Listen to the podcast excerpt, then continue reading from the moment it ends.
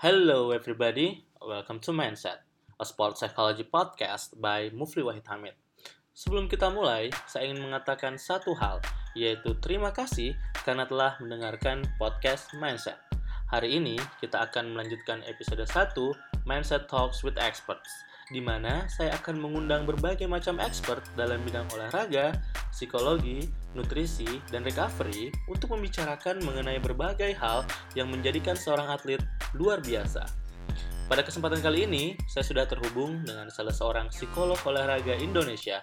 Di tengah kesibukannya sebagai seorang dosen, beliau pernah menjadi psikolog olahraga untuk salah satu klub sepak bola bergengsi di Liga 1 Indonesia.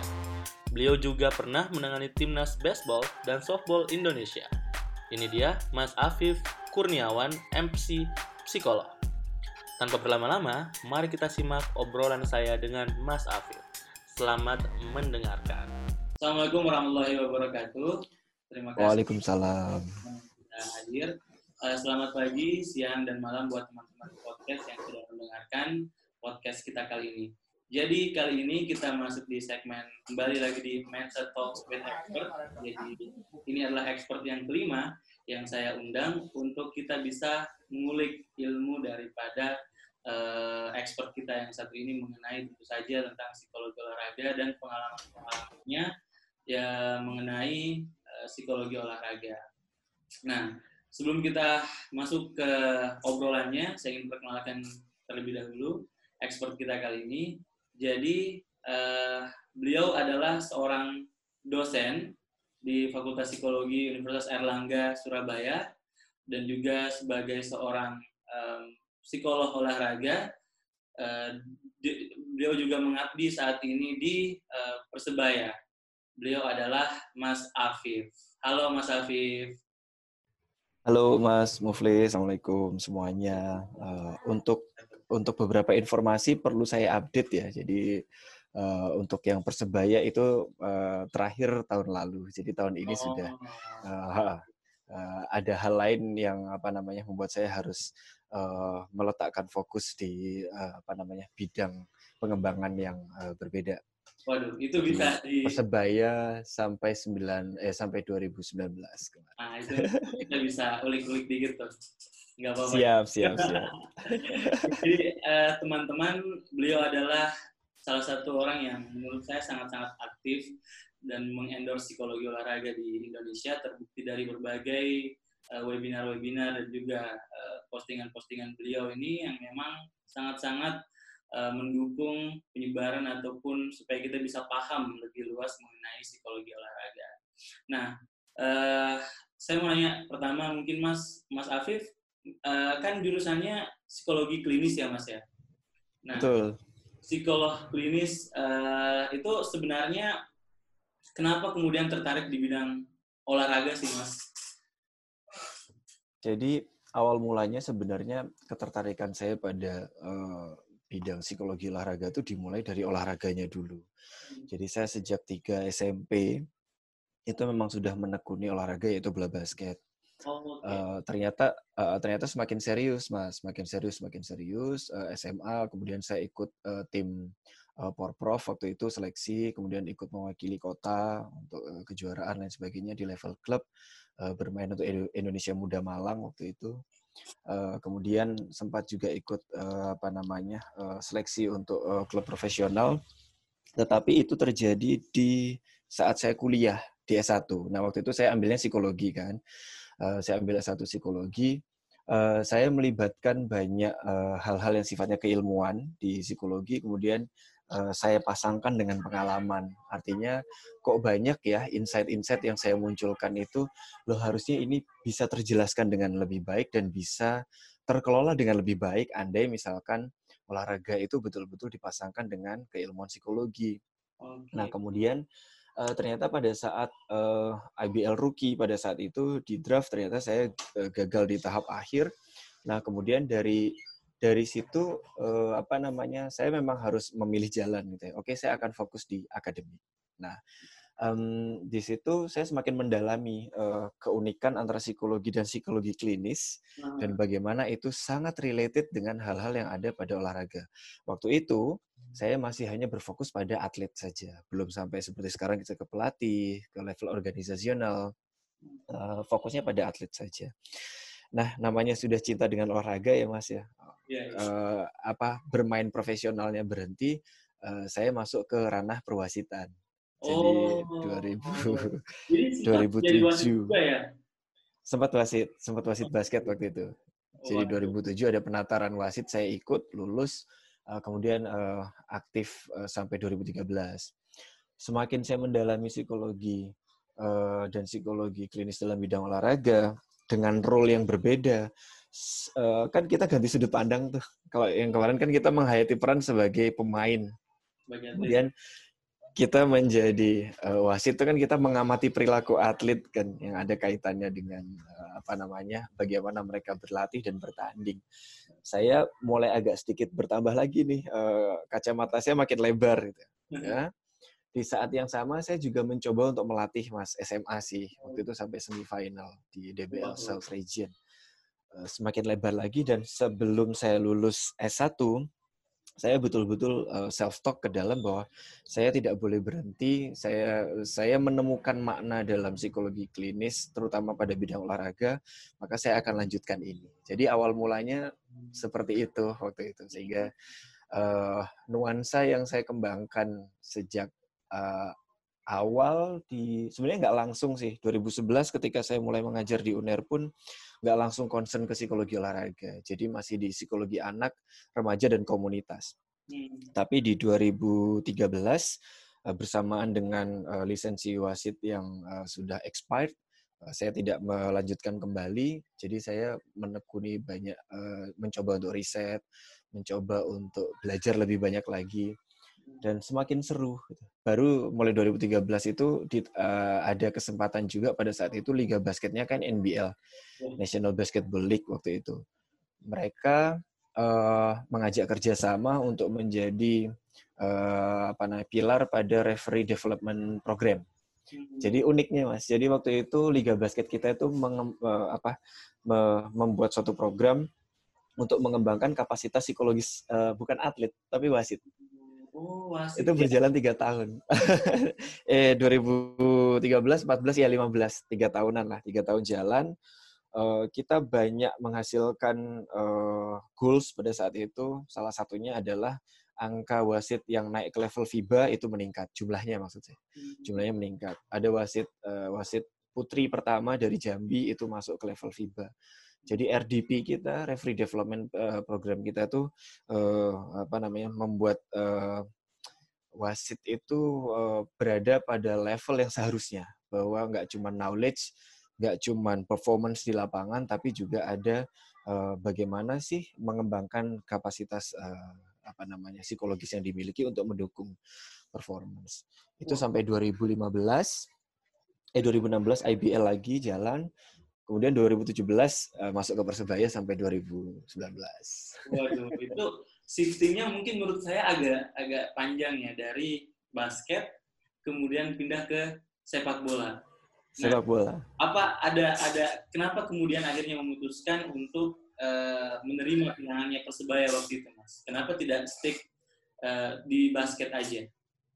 Ya, pada saat itu sebenarnya yang membuat saya oke okay dengan uh, dengan Persebaya adalah salah satu uh, statement yang disampaikan oleh manajer pada saat itu bahwa uh, di sini kamu bisa uh, mengembangkan uh, bidang keilmuan yang kamu kuasai dan pendekatan yang akan kita gunakan adalah sport science. Jadi saya nggak perlu waktu lama untuk mengiyakan dan waktu itu kan belum banyak ya Mas Mufli ya di Indonesia uh, klub sepak bola yang melibatkan psikolog di dalamnya sehingga oh kenapa tidak.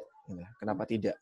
Um, meskipun uh, jalannya cukup terjal di dua bulan awal karena saya mengalami banyak sekali uh, shock di situ untuk me melakukan adjustment antara kultur bola basket dengan uh, kultur sepak bola terutama sepak bola di Indonesia. Yeah. uh, tetapi itu bukan masalah uh, karena dua bulan itu saya pikir sudah cukup untuk melakukan banyak penyesuaian. Um, berjalan cukup baik dan 2017 kita finish sebagai juara Liga 2 kan waktu itu. Iya. Oke, jadi memang uh, apa ya? Memang sudah sangat dari dari lama memang sudah sangat-sangat suka dengan olahraga. Kemudian uh, sempat menjadi pelatih juga, kemudian mengambil lisensi sebagai wasit, kemudian uh, mencoba untuk menjadi seorang psikolog olahraga di klub profesional itu, wah saya rasa memang pengalamannya luar biasa sih dalam durasi waktu yang lumayan panjang itu saya rasa memang teman-teman yang mendengarkan atau melihat uh, apa namanya ngobrolan kita saat ini benar-benar bisa mengambil banyak hal dari pengalaman-pengalamannya uh, Mas Afif. Nah, kemudian Mas Afif um, 2017 kan mulai itu di Persebaya ya. Yeah. Dibilang tadi dikatakan tadi uh, beberapa kali mungkin agak-agak inilah menantang lah adjustment yang dilakukan dari basket kemudian shifting ke bola. Menurut Mas Afif, perbedaan mendasar uh, dari atlet-atletnya kah atau sistemnya kah yang membuat mungkin Mas Afif berat atau bisa menantang waktu itu uh, pada saat menjadi seorang uh, orang atlet di basket dan juga orang yang aktif sepak di sepak bola itu kira-kira adjustment yang beratnya itu di mana, Mas? Yang uh, uh, yang pertama yang menantang ya. Jadi saya uh, tidak ingin menggunakan berat sebenarnya karena selalu kita bisa lalui kok. Jadi yang menantang itu yang pertama adalah tentang stigma kata psikolog dulu. Uh, belum sampai ke psikolog olahraga. Satu kata psikolog itu belum semua orang di Indonesia itu uh, memiliki uh, pemahaman dan penerimaan yang tepat. Gitu ya. Jadi ketika mendengar kata psikolog itu identik dengan kasus-kasus yang memang mengarah kepada gangguan dan penyakit kejiwaan dan itu ternyata terjadi juga di olahraga. Di bola basket eh, kebanyakan dari kebanyakan dari kultur bola basket kan dibangun di universitas. Uh, sehingga uh, apa namanya pembinanya, pengelolanya dan seterusnya itu sudah cukup aware dengan dengan dengan uh, satu kata psikolog dan psikologi itu tadi. Tapi di sepak bola dengan uh, melihat fakta bahwa ini adalah olahraga yang sangat digandrungi masyarakat Indonesia di berbagai macam lapisan, hmm. artinya kita butuh effort dan butuh konsistensi untuk mengenalkan uh, psikologi yang benar kepada masyarakat bahwa psikologi ini nggak sama kayak dukun. Jadi nggak nggak tiba-tiba tuh kita misalkan datang terus kemudian kita ngobati, nanganin dan seterusnya tidak seperti itu. Tapi uh, bahwa me, me, me, apa ya menyelaraskan uh, pemahaman akan psikologi itu mendukung program latihan, mendukung program pelatih, mendukung performance atlet di latihan maupun di pertandingan itu yang butuh waktu di awal. Artinya pada saat awal saya nyemplung di dunia olahraga dan terutama sepak bola, ada penolakan-penolakan akan uh, apa namanya profesi psikologi dan saya pikir uh, ini menjadi suatu uh, sharing cerita yang mungkin juga pernah dialami oleh pendamping psikologis yang lain di di cabur-cabur tertentu. Um, penolakan itu sebenarnya kalau saya analisis uh, bukan karena mereka itu anti, tidak, tapi itu tadi karena mereka memahami dan memaknai uh, definisi yang uh, kurang tepat tentang uh, psikolog dan psikolog olahraga. Dan sehingga yang saya kuatkan di saat awal-awal uh, beradaptasi dengan kultur sepak bola adalah komunikasi. Jadi bagaimana cara kita untuk menampilkan secara konsisten, baik itu dari cara kita untuk berperilaku sebagai profesional, kemudian bagaimana kita berkomunikasi, menjelaskan kepada pelatih, menjelaskan kepada manajemen tim, menjelaskan kepada atlet, karena sebenarnya itu terjadi di level mana pun, Mas Mufli. Di saya pernah membaca buku ya, um, How to Win a Game gitu. Ya. Jadi buku itu adalah tulisan dari seorang psikolog di English Premier League Uh, dia itu di sesi awal masuk ke dalam klub itu dia masuk ke ruang ganti dan dia katakan kepada pemain, saya tahu apa yang kalian pikirkan. Kalian pasti menganggap saya musuh. Wah ini pasti sahabat pelatih, sahabat manajer yang punya misi khusus untuk mencari tahu. Jadi kayak spy gitu ya. Um, kemudian dia jelaskan secara menyeluruh apa yang dia lakukan dan dia katakan bahwa saya adalah sahabat kalian. Jadi memang di tahap awal adjustment itu yang harus kita lakukan. Declare posisi, uh, kompetensi, berkomunikasi dengan baik, dan tujuan kita adalah support. Hmm. Itu, Mas. Resistensi paling berat sebenarnya itu ada di pihak mana, Mas? Apakah pelatih kah atau memang dari pemain sendiri atau dari manajemen klubnya, Mas? Kalau menurut Mas Afif lihat. Nah, yang yang unik sebenarnya kalau di level klub yang uh, saya dampingi sebenarnya tidak dari dalam, Mas, tapi uh, justru lebih ke publik gitu. Jadi kayak misalkan hmm. kalau manajemen support, pelatih support sekali. Waktu itu saya bersama dengan uh, Angel Alfredo Vera saat ini di Persiba Balikpapan. Uh, dengan Esteban Busto pada saat meeting di awal itu uh, apa namanya mereka katakan bantu pemain kami untuk selalu berada pada level mental yang positif. Siap coach. Artinya manajemen oke, okay, pelatih oke, okay, pemain butuh waktu sedikit untuk beradaptasi, bukan resisten mereka tapi baru kenal aja dengan uh, apa namanya uh, konsep uh, dan pendampingan psikologi sampai ke level klub gitu kan. Dalam perjalanannya resist, resistensi itu dialami oleh masyarakat secara luas. Jadi kayak misalkan ketika tim berada pada state yang negatif, gitu ya, akan di sepak bola kadang ada ada off off season lah gitu. Jadi benar-benar uh, off peak gitu ya. Uh, satu dua pekan itu kayak sulit sekali untuk mencari uh, suatu pola yang tepat untuk uh, untuk bisa maksimal di lapangan. Pasti yang uh, ter ter apa ya hmm, uh, dikaitkan oleh masyarakat atau supporter adalah ini pasti masalah mental. Yeah. gitu ya. Ini masalah mental. Nah, kita kan bekerjanya tidak terlihat ya, Mas Mufli ya. Lalu mereka tuh banyak yang ya sudah lo apa namanya uh, serahkan saja kepada psikolog, serahkan saja pada psikolog harusnya pada psikolog. Sehingga pada saat itu ketika mereka tahu bahwa di tim sudah ada psikolog, eh, mereka eh, publik itu pada saat itu responnya positif ya. Oh oke okay, sudah ada kok yang menangani gitu kan. Tapi banyak juga yang memberikan usulan-usulan yang sebenarnya agak sedikit apa ya buat saya mengejutkan. Kayak hmm. misalkan anda kan seorang psikolog berarti bisa dong membuat tim itu besok uh, langsung menang. Wow itu saya terkejut. Karena kita melihat kalau pemain kita tuh kalau main di hadapan supporter sendiri malah jadinya malah takut malah ragu dan seterusnya. Anda kan psikolog anda bisa rubah itu semua. Hmm. nah um, saya tidak tahu itu masuk ke resistensi atau tidak ya, tapi di sana ada di sana ada pemahaman yang sebenarnya uh, perlu untuk kita bantu, perlu untuk kita uh, selaraskan dan perlu untuk kita apa ya uh, komunikasikan. Uh, kemudian secara konsisten akhirnya uh, kita menunjukkan ada program-program dan seterusnya dan ternyata itu berdampak positif. Barulah orang-orang ini masyarakat atau publik maupun supporter, oh ternyata di sini efeknya. Takes time, perlahan dan itu bukan pekerjaan yang sulapan. Ya, ya. Nah itu. Ya, Jadi alhamdulillahnya ya Mas Mufli ya kalau untuk resistensi yang penolakan di klub itu enggak enggak ada. Malah saya sangat terdukung sekali dengan uh, tim pada saat itu. Iya, iya, iya. Luar biasa karena emang Surabaya dan Jawa Timur itu adalah salah satu provinsi dan juga kota yang memang uh, lebih dulu sebenarnya menerapkan Eh, bantuan daripada eh, tenaga-tenaga profesional psikologi dalam uh, di, di, di berbagai cabang olahraga yang ini ya yang yang dipertandingkan kemarin waktu pon ya mas ya. Kemarin aktif juga nggak mas waktu di pon kemarin itu? Di uh, pon prapon. Jadi saya tergabung di tim tiga pilarnya koni itu di prapon edisi 2007 eh 2016 atau 17 hmm. ya saya lupa.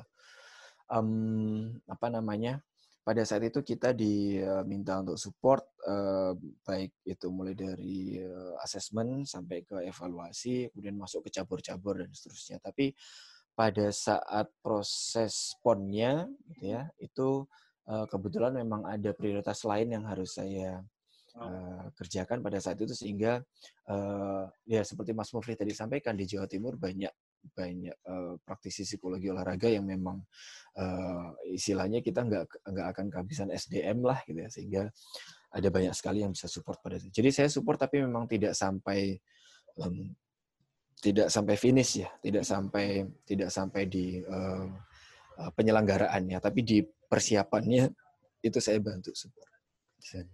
Buat teman-teman yang belum tahu role-nya role sebenarnya seorang uh, psikolog olahraga atau praktisi psikologi olahraga di dalam sebuah tim itu menurut Mas Afif seperti apa sih Mas? Um, ini yang menarik ya. Jadi uh, apa namanya role sebenarnya dari dari kita sebagai pendamping psikologis atlet yang utama uh, adalah bahwa kita harus selalu bisa menempatkan diri kita itu sebagai supporting dari rencana uh, klub atau tim dan rencana yang disusun oleh pelatih. Hmm. Nah, dalam rencana itu kita juga harus uh, pandai melihat uh, mana yang menjadi kebutuhan utama, mana yang itu menjadi kebutuhan untuk pengembangan. Artinya di tahap-tahap awal seorang psikolog olahraga diharapkan mampu untuk membuat semacam need analysis ada kebutuhan apa pada tim ini untuk kita berikan. Jadi uh, berdasarkan pengalaman saya sih uh, kita malah justru tidak perlu terburu-buru untuk memberikan intervensi gitu ya. Uh, karena kita harus selami dulu sebenarnya ada kebutuhan apa, ada kondisi apa, termasuk juga analisisnya multifaktorial. Jadi kita juga harus lihat um, ini terjadi karena faktor apa gitu ya. Jadi itu yang kita lakukan. Itu yang pertama. Lalu role yang uh, terkait dengan role yang kedua adalah bahwa um, kita berdiri uh, pada sisi uh, staf kepelatihan dan kita mendukung program pelatih, tapi di sisi yang lain kita terkadang juga bisa menjadi jembatan uh, antara kesulitan-kesulitan psikologis yang terjadi pada diri atlet kita bantu untuk kita bantu untuk berkembang dan itu kita komunikasikan kepada pelatih maupun jajarannya. Jadi kerjanya kompleks sebenarnya Mas Muflih ya kalau di level tim atau di level klub um, karena kita harus tahu uh, bagaimana informasi yang berkembang di sekeliling tim, uh, termasuk di sekeliling atletnya. Kemudian yang kita lakukan adalah proses untuk assessment, kemudian assessment itu ya baik yang formal maupun informal tergantung kebutuhannya, analisis kebutuhannya tadi. Kemudian kita akan membuat uh, program yang pasti akan meminta persetujuan dari pelatih. Ketika disetujui oleh pelatih, dijalankan dan kita juga akan evaluasi. Jadi assessment, intervensi, evaluasi itu adalah role dari uh, psikologi olahraga di dalam suatu tim atau di dalam suatu klub.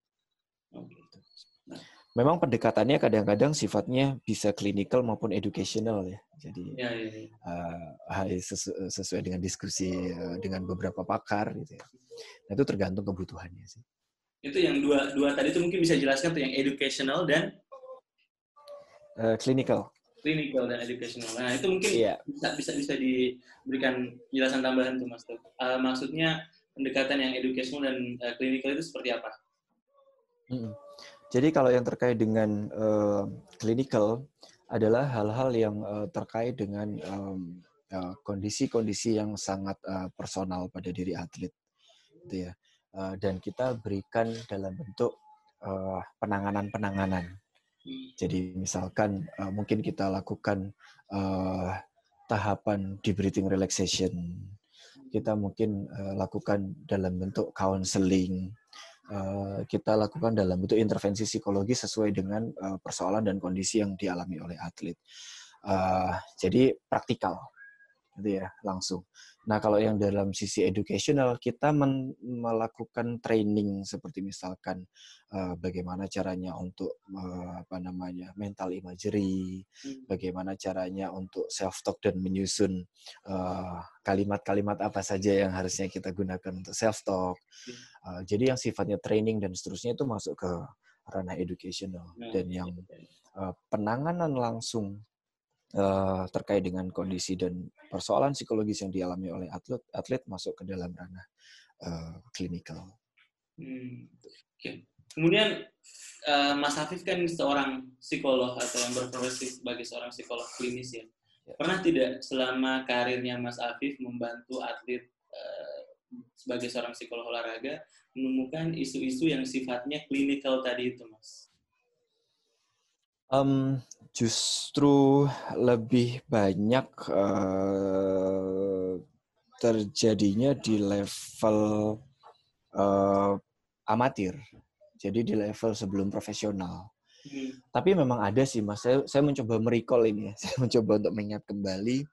Um, sebenarnya ada ada beberapa kasus-kasus yang terkait dengan klinis sih sebenarnya dan dan uh, biasanya yang terjadi itu tidak lepas dari kondisi-kondisi yang terkait dengan anxiety, kecemasan, uh, sama kaitannya dengan personality.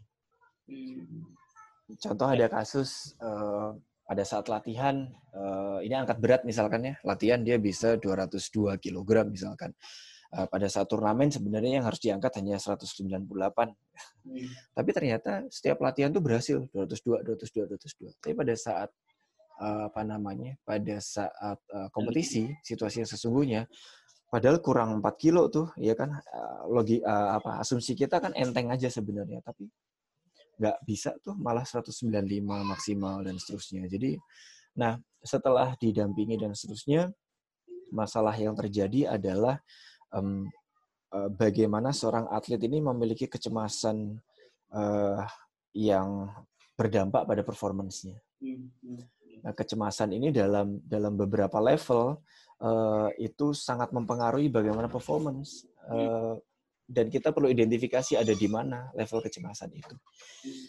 Jadi itu ya kurang lebih itu kecemasan, terus um, gejala depresi juga ada sih mas sebenarnya. Waduh, waduh, waduh.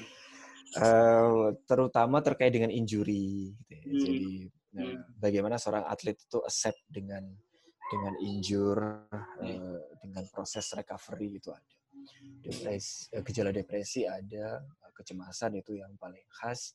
Um, kalau motivasi sih saya pikir itu masalah yang common ya, uh, cukup cukup umum lah. Enggak. Itu sih. Um, saya coba mengarahkan pembicaraan kita ini ke ranah kesehatan mental ya, Mas ya, berhubung dengan okay. uh, background pendidikan Mas Afif yang juga sebagai seorang psikolog uh, klinis. Nah sekarang awareness, kalau yang saya lihat ya, awareness masyarakat kita ini sebagai seorang apa ya, sebagai, uh, yang hidup di Indonesia saat ini, kesehatan mental sekarang ini sudah semakin sering digaungkan. Uh, saya kemarin punya teman uh, alumni UNAIR juga S2 Ya, di psikologi Universitas Erlangga dia membangun sebuah uh, apa ya membuat membuat sebuah uh, platform Halo Jiwa untuk oh, iya, iya. Uh, untuk untuk uh, apa ya orang-orang yang memiliki mungkin masalah-masalah terkait dengan kesehatan mental dan dan mereka juga sangat-sangat uh, kuat mengendorse mengenai kesehatan mental sendiri. Nah, uh, menurut Mas Afif, apakah memang sekarang rakyat Indonesia ini sudah semakin awarekah dengan kesehatan mental, ataukah karena justru karena kita tidak aware-nya, makanya orang semakin sibuk nih, semakin banyak kasus mengenai kesehatan mental, makanya sekarang malah semakin sering digaungkan gitu, Mas. Um, kalau saya pribadi menilai bahwa masyarakat Indonesia sekarang sudah mulai aware, Mas Mufli. Hmm. Jadi uh, kenapa sudah mulai aware? Karena kita melihat dari yang pertama uh, traffic riset di uh, bidang akademik ya.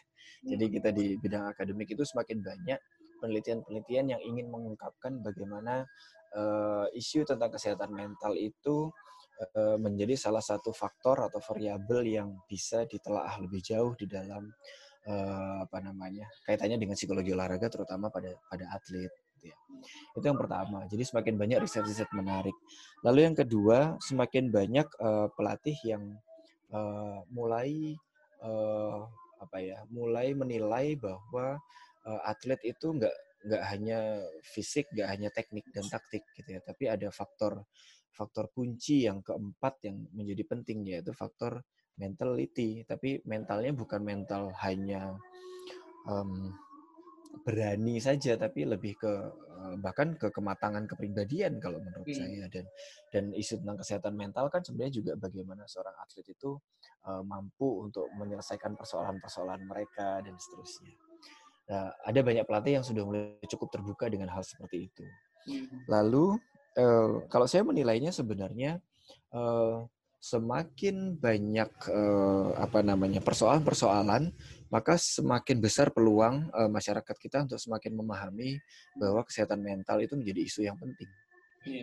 Jadi ya, saya agak sulit misalkan ditanya mana yang uh, dianggap sebagai kausanya gitu ya apakah karena banyaknya kasus lalu mereka jadi aware atau mereka jadi aware dulu terus kemudian akhirnya banyak kasus-kasus yang terungkap dan yeah. kemudian ini saya pikir keduanya berjalan bersamaan hmm. itu sih uh, sebagai seorang psikolog olahraga yang berfokus di bidang klinis uh, bagaimana sih Mas Afif melihat seorang atlet itu sendiri? Apakah atlet itu stigma yang ada di masyarakat atau persepsi yang ada di masyarakat saat ini kan atlet itu adalah sebagai seorang pejuang yang memang dia harus pantang menyerah misalnya. Nah, sering kali memang saya melihat bahwa uh, orang-orang di dunia itu tidak melihat atlet ini sebagai seorang manusia yang juga memiliki uh, masalah pribadi. Gitu ya mas ya. Jadi mereka yeah, yeah. lalu seakan-akan menurut saya dipaksa untuk bisa memiliki performance yang konsisten bagus. Ketika misalnya dia tidak bagus dia dibully habis-habisan. Misalkan kemudian ke kemudian uh, mereka betul-betul di pressure untuk uh, menjadi seorang untuk bisa menguntungkan tim misalnya. Nah apakah hal-hal tersebut bisa mengarah kepada uh, kesehatan kesehatan uh, gangguan daripada kesehatan mental atlet sendiri mas? Hmm, sangat ya mas ya. Karena uh, sebenarnya makna dari olahraga itu kan sebenarnya um, adalah untuk mencapai prestasi tertinggi. Nah, prestasi tertinggi ini sebenarnya dimaknai itu uh, bukan hanya terkait dengan trofi. Gitu ya. Jadi uh, bagaimana mencapai prestasi tertinggi itu uh, apa namanya yang harus uh, dimaknai sebagai nilai juang dari seorang atlet. Nah, sebelum saya jawab yang kedua terkait dengan masyarakat menilai, sebenarnya being an athlete itu menurut saya adalah eh, suatu suatu kemanan hidup yang luar biasa. Saya selalu iri mas dengan atlet itu. Kenapa? Karena mereka tuh selalu punya atribut-atribut um, uh, psikologis yang luar biasa dibandingkan orang-orang lain. Mereka punya motivasi yang sangat tinggi. Mereka punya daya tahan yang luar biasa bahkan mereka itu punya komitmen yang kuat untuk berhasil dengan olahraga yang mereka tekuni gitu ya. Hmm. Nah, tetapi kan ya itu tadi makna akan prestasi itu jangan-jangan ada yang nggak sinkron antara apa yang sedang diperjuangkan oleh individu atlet ini dengan penilaian masyarakat.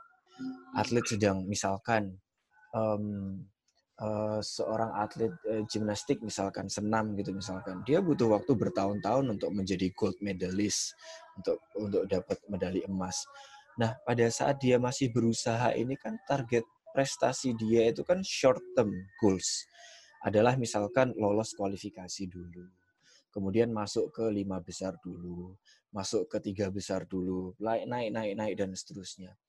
Nah, itu kan sifatnya sangat personal dan itu prestasi sebenarnya. Tapi mungkin yang terjadi di Indonesia, dan ini saya masukkan ke Indonesia. Yang terjadi di Indonesia adalah kadang masyarakat kita um, belum terlalu uh, mengenali uh, yang sedang diperjuangkan atlet saat ini itu ada di level mana, gitu ya. Jangan-jangan yang mereka anggap prestasi itu berbeda dengan yang dianggap prestasi oleh atlet. Gitu ya. Kayak misalkan um, timnas U16 kita kemarin tuh juara di sidoarjo. Wih itu full house mas stadion itu sampai tidak karu-karuan kan. Gitu Nah saya kebayangnya gini, uh, waktu itu kan juara ya. Tapi saya tuh berharap di dalam hati itu ketika saya nonton berharap, andai misalkan kalah, tolong jangan hujat mereka. Ya, Karena ya. mereka ini sedang bertumbuh, mereka ini sedang sedang dalam proses bertumbuh dan berkembang pada pada sisi kematangan eh, kepribadian sampai ke ketangguhan mentalnya. Khawatirnya adalah ketika mereka terbebani dengan ekspektasi publik bahwa kok kalah sih? Ya itu masih halus banget gitu ya. Kalau kultur di Surabaya dan Jawa Timur kan lebih keras lagi. Jangan-jangan um, nanti mereka malah justru um, mengalami penurunan motivasi, kemudian mengalami kondisi-kondisi uh, psikologis yang uh, menekan performance mereka. Ya, kalau tidak ditangani dan tidak dikelola dengan baik, akhirnya lama kelamaan mereka menjadi pensiun dini ya, ya. karena nggak ketemu nggak ketemu mana prestasinya sudah tidak ketemu lagi gitu. Dan itu faktornya sangat banyak mas nggak cuman nggak cuman pressure dari lingkungan terkait dengan kondisi atletnya sendiri parentsnya bagaimana uh, coachnya bagaimana gitu ya. Terus kemudian supporting manajerial dari olahraga itu sendiri seperti apa. Sangat sangat kompleks di sana. Jadi ya. apa namanya ya uh, saya rasa memang banyak sekali kasus-kasus mungkin yang uh, yang terjadi di Indonesia saat ini bahkan di Indonesia juga seperti itu ya. Uh, ketika misalnya pressure daripada publik itu tidak bisa di dimanai positif misalnya oleh atletnya uh, kemudian kemudian itu membuat mereka semakin terpressure tertekan. Akhirnya justru malah melahirkan uh, motivasi yang uh, menurun lah. Kemudian performa ya, yang yang akhirnya berakibat kepada penurunan performa yang sangat signifikan. Gitu ya mas ya? Betul, betul. Uh, kemudian Mas, uh, apakah ap apakah uh, kesehatan apakah isu-isu mengenai kesehatan mental ini hanya dialami uh, oleh orang-orang atau atlet-atlet yang uh, masih amatur kah? Ataukah atlet-atlet yang sudah sudah terjun lama atau sudah uh, sebagai seorang profesional atlet itu tidak mengalami namanya pressure atau isu-isu kesehatan uh, mental ini mas? Karena kita melihatnya mungkin ya mereka mereka ini adalah orang-orang yang sudah sudah sangat-sangat hebat punya pengalaman bertanding yang luar biasa kemudian uh, apa namanya apa yang dia dapatkan selama ini itu sudah luar biasa banyaknya. Nah apakah mereka memang ini apakah kesehatan isu-isu mengenai kesehatan mental itu hanya berlaku kepada atlet-atlet amaturkah atau kepada seluruh uh, atlet gitu mas Um, sebenarnya tidak ada batasan ya. Artinya ini terjadi pada seluruh uh, seluruh rentang usia atlet, baik itu usia uh, junior, amatir sampai profesional itu terjadi. Hanya saja mungkin faktor pencetusnya, kemudian persoalan apa namanya tekanannya itu seperti apa dan bagaimana itu mungkin dalam setiap uh, kelompok usia itu menjadi berbeda-beda sampai ke uh, bisa dibedakan juga nanti yang amatir seperti apa, yang profesional seperti apa sebenarnya di luar dari kondisi atlet kan memang uh, kita juga uh, manusia itu punya kerentanan ya Mas ya akan persoalan-persoalan maupun tekanan-tekanan di luar. Tapi kalau dalam konteks atlet itu menjadi sangat spesial, terutama atlet nasional, karena yang dibawa itu adalah ekspektasi negara. Um, jadi menyelaraskan antara uh, apa namanya makna prestasi pada diri sendiri dan makna heroik uh, nasionalisme sebagai seorang atlet itu yang harus diselaraskan. Dan itu tidak mengenal usia, Mas. Jadi mulai dari usia uh, kecil sekalipun hmm, peluang untuk terjadinya masalah-masalah uh, yang berdampak pada kesehatan mental atlet itu sudah ada. Uh, seperti kalau untuk anak-anak ya di sport parentingnya. Gitu. Yeah. Uh, kalau di usia junior, eh usia amatir uh, mungkin terkait dengan transisi antara dirinya itu atlet itu mengukur apakah saya uh, stop di sini atau lanjut ke level profesional itu kan hmm. di situ sebenarnya adalah momen mereka untuk uh, bimbang gitu ya. ya. Kemudian uh, apa sih yang bisa kita lakukan mas ya sebagai uh, sebagai masyarakat sebagai teman misalnya bagaimana kita hmm. bisa menjaga Eh, kondisi atlet-atlet kita ini supaya mereka ada di state yang positif mengenai kesehatan mentalnya ini?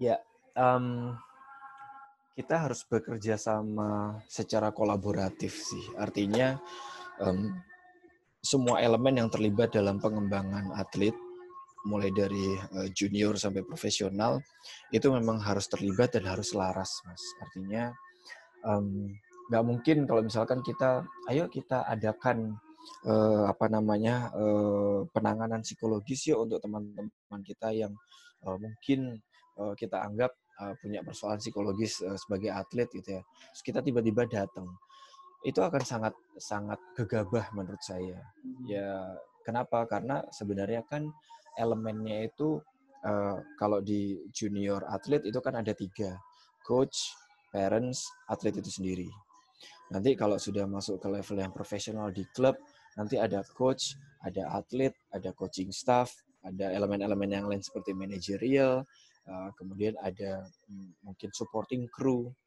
media dan seterusnya. Nah ini yang harus kita lihat sebagai suatu sistem yang harus bekerja bersama-sama untuk pengembangan atlet. Artinya kalau misalkan kita memang sudah punya satu suara bahwa kesehatan mental itu adalah penting uh, untuk kita uh, kelola uh, untuk membantu mendukung performance uh, maupun uh, well-being dari atlet, uh, maka ya semua pihak ya kita akan uh, apa namanya secara bersama-sama uh, bergerak ke arah sana. Dari diskusi semacam ini, kemudian mungkin webinar, kemudian uh, talk show sharing berupa seminar, workshop mungkin dan seterusnya memanfaatkan awareness yang sudah semakin meningkat di kalangan pelatih dan juga organisasi di uh, pengelola cabang olahraga. Yeah.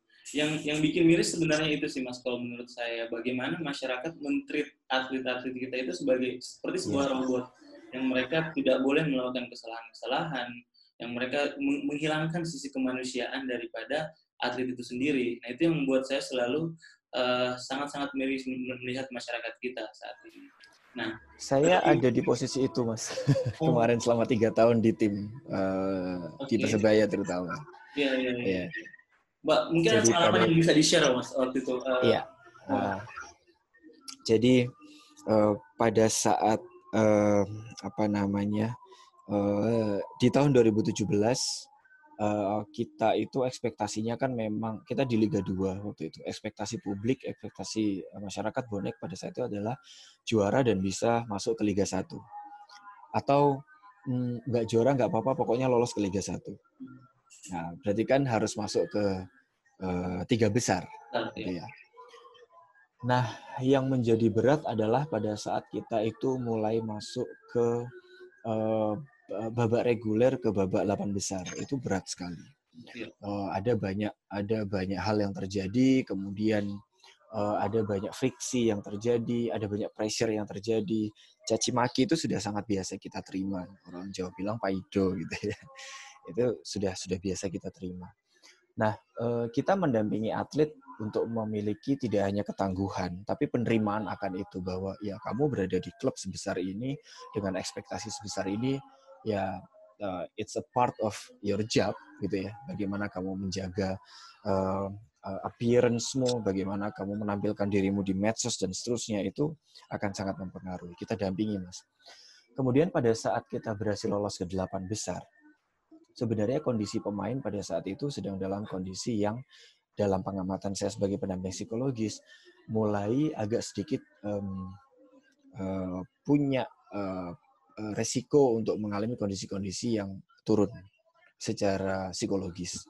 Lalu kemudian saya posting di Instagram saya, saya apresiasi dukungan teman-teman supporter dan saya bilang e, sekarang kita sudah lolos ke delapan besar, berikan waktu sek, e, berikan waktu sesaat untuk teman-teman kita untuk melakukan pemulihan mental agar kita bisa bicara banyak di delapan besar. Dan itu perlu saya sampaikan agar teman-teman itu benar-benar bisa fokus pada recovery mentalnya. Jadi pemulihan akan kondisi-kondisi yang berat.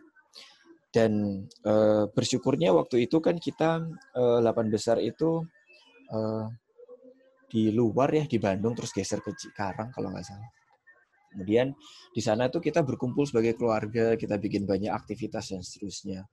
Betul-betul uh, menempatkan level disiplin, uh, effort untuk bekerja keras itu berada pada level yang tepat, tapi kita jangan pernah meninggalkan satu elemen kunci dalam sepak bola yaitu enjoyment. Hmm. Jangan sampai pemain kehilangan enjoyment ketika mereka di lapangan. Mau skillnya levelnya uh, 99 gitu ya. Tapi kalau misalkan enjoyment ini hari itu dia tidak miliki, dia tidak akan bisa berbicara banyak. Sehingga itu yang kita fokuskan gitu ya. Jadi eh, kami keluar dibantu oleh manajemen pada saat itu eh, yuk bantu yuk teman-teman yuk kita bikin akhirnya muncul tagar waktu itu kita persebaya itu adalah di 8 besar 8 eh, besar 2017 itu untuk menyamakan frekuensi dukungan supporter untuk menjadi konstruktif kepada tim. Alhamdulillah itu menjadi booster bagi teman-teman yang sebelumnya itu dimaknai sebagai pressure. Akhirnya dimaknai sebagai suatu dukungan positif, ya kita bisa finish menjadi juara. Nah, saya penasaran pada saat Mas Afif mengatakan uh, di delapan besar tadi itu sudah melihat adanya risiko-risiko mengalami penurunan performa. Nah, tanda daripada uh, yang ditunjukkan daripada atletnya itu sendiri tanda yang seperti apa sih mas? Kalau boleh tahu. Baik. Nah ini uh, sharing pengalaman ya mas Muflih ya. Yang kita lakukan itu sebenarnya kan uh, observasi yeah. jadi salah satu kekuatan uh, kekuatan dari asesmen psikologis oleh pendamping psikologi atlet adalah observasi yang mana observasi itu selalu harus mengikuti kaidah dan uh, apa namanya etika-etika yang memang uh, ditetapkan. Artinya jangan sampai kita punya uh, high inferential judgment istilahnya itu. Jadi kita mengobservasi lalu kemudian kita langsung menyimpulkan, hmm. gitu ya. Nah, yang saya lakukan Mas Muflih adalah uh, saya selalu membuka uh, diri saya untuk uh, bertanya kepada staf analis statistik, Mas update statistik terbaru dari pemain seperti apa dong pekan ini gimana pekan ini gimana dan pekan terakhir seperti apa Oke. Sehingga dari data dari data performance yang sifatnya angka itu kita sudah amati dulu dan saya belajar bersama bersama dia pada saat itu Mas Nur Arif Budiman. Uh, saya belajar bersama dia, Mas, data seperti ini bacanya gimana? Ini artinya apa dan seterusnya. Kemudian saya coba mencari tahu yang mana yang beririsan langsung dengan faktor psikologis Nah, kemudian itu nanti akan digabungkan dengan data observasi saya di lapangan di latihan, Mas. Jadi uh, kelihatannya psikolog itu mm, nungguin gitu aja ya, ngelihat, nungguin gitu ya. Tapi sebenarnya kita sedang merekam hal-hal yang uh, apa namanya uh, bisa jadi akan berpengaruh terhadap kondisi-kondisi uh, atlet. Itu kita sudah punya datanya, kita coba analisis. Kemudian tahapan yang berikutnya adalah tanya ke staf medis, dokter tim, ya, ya, fisioterapis, muscle. Kita tanya semuanya wah ternyata memang ada kondisi-kondisi yang mendukung akan resiko itu akan terjadi. Hmm. Salah satunya adalah fatik. Ada indikasi kelelahan. Iya, iya, iya. Nah, kalau atletnya kelelahan mas secara fisik gitu ya, mau program psikologi seperti apa pun, ya, ya. itu akan akan sulit. Nah, berat, berat. Kolaborasi dari semua hal inilah yang membuat kita di, eh, di level staff pelatih pada saat itu memprediksi adanya risiko penurunan dan dari prediksi resiko penurunan itu kita uh, mengusulkan adanya uh, aktivitas-aktivitas atau program-program untuk me mengcover itu semua agar tidak jadi turun. Hmm. Iya iya iya ya. menarik menarik menarik. Jadi mulai daripada angka-angka uh, performance mereka di lapangan yang direpresentasikan uh, oleh angka-angka tersebut, kemudian dari ya, statistik ya. dilihat apakah uh, bagaimana tren daripada eh, performance pemain di lapangan. Nah, ya. uh, kemudian di, di, di, dikombinasikan dengan observasi uh, dan juga wawancara sedikit mungkin yang dilaksanakan oleh ya. tim psikologi wah luar biasa. Nah, itulah kemudian uh, yang menjadi acuan untuk pembuatan intervensinya. Nah, kemudian ya. intervensi yang dibuat adalah uh, kegiatan apa Mas waktu itu? Um, ada yang sifatnya itu Uh, ada uh, kita membaginya dua Mas Mufli. Ada yang uh, on pitch, jadi di dalam lapangan.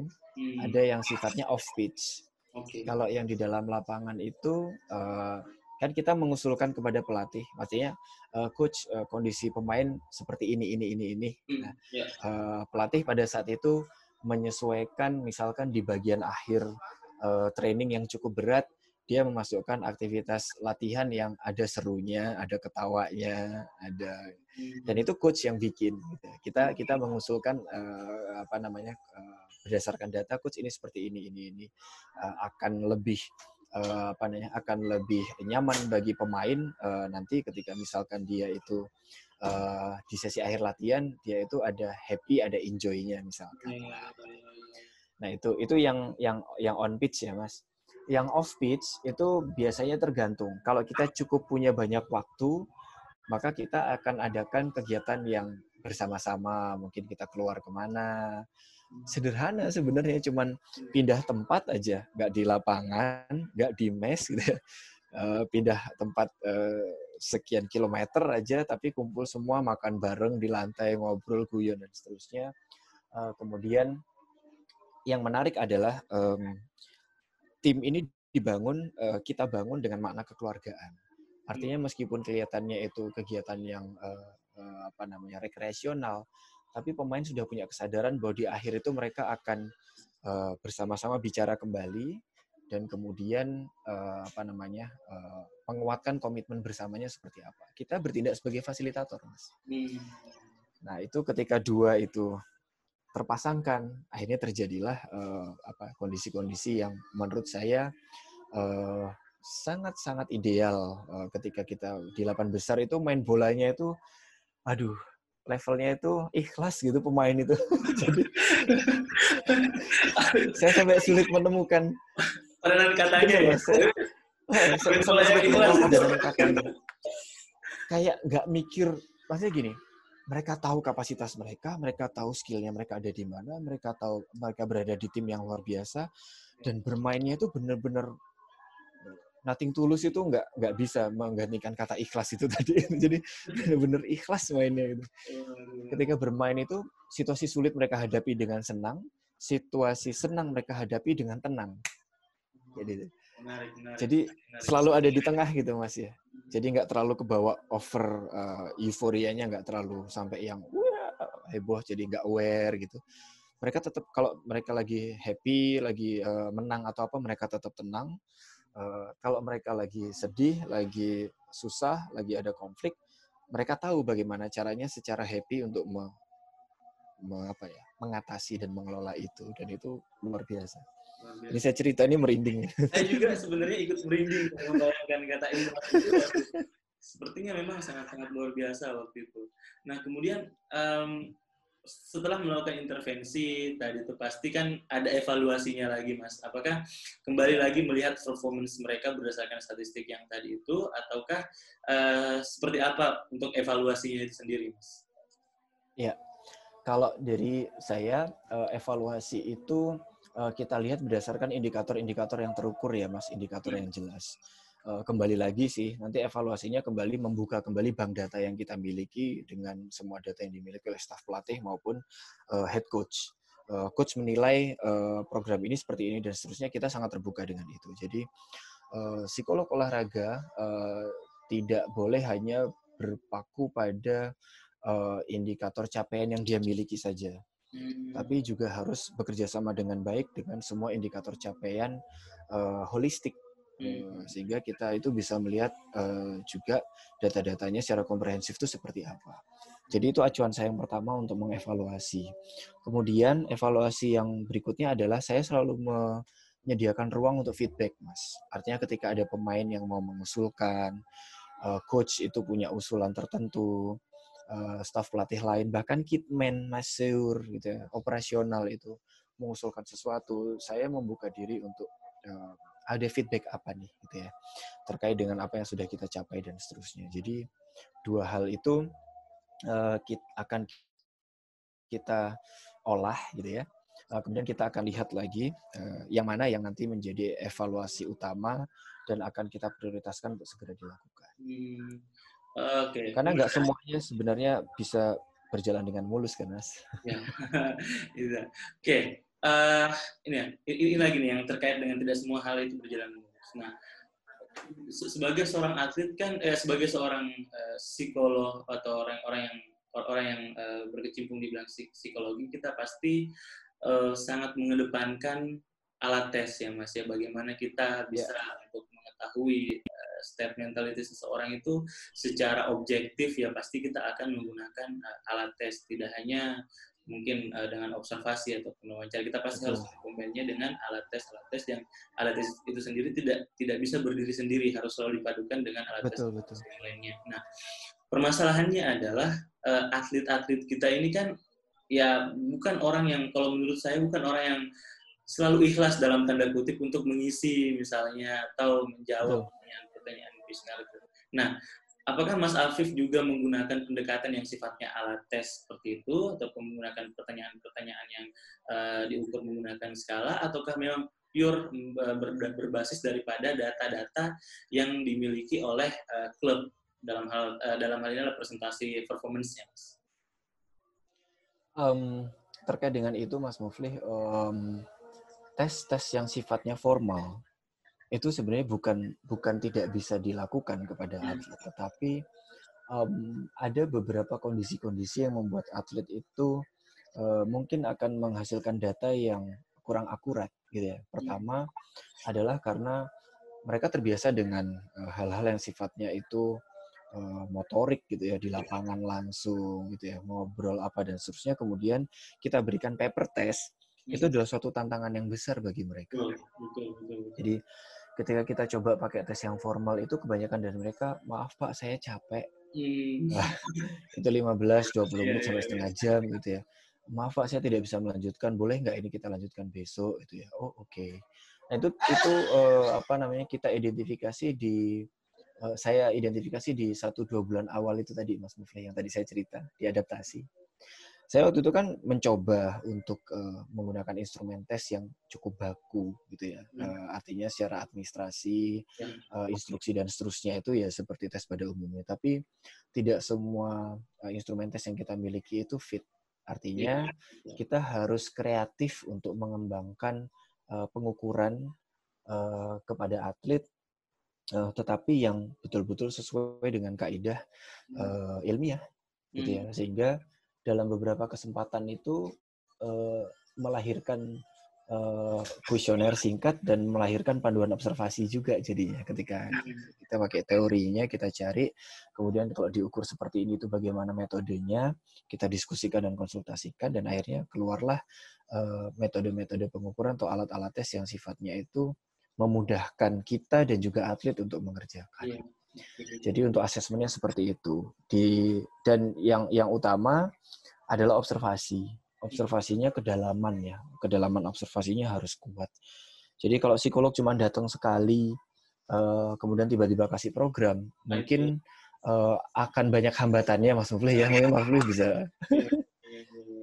Karena uh, kenapa saya nanya seperti itu? Karena saya punya pengalaman juga waktu itu ketika saya menyelesaikan studi di, di Universitas Indonesia uh, saya kan memang subjek penelitian objek penelitian itu kan ada atlet. Nah, kebetulan waktu itu atlet-atlet yang saya pilih adalah atlet yang ada di SMA Ragunan. Nah, hmm, kemudian hmm, kami hmm. mencoba untuk membuat suatu alat ukur mengenai ketangguhan mental. Uh, kemudian kami cobakan ke atlet-atlet yang ada di Ragunan. Nah, itu tantangannya luar biasa. Bagaimana uh, kita bisa meminta bukan uh, apa waktu mereka sebentar untuk mengisi kuesioner itu misalnya nah uh itu, itu menjadi tantangan-tantangan ter Masuk aja ibu. Sorry sorry sorry mas tantangan yang uh, tersendiri ya. Yeah.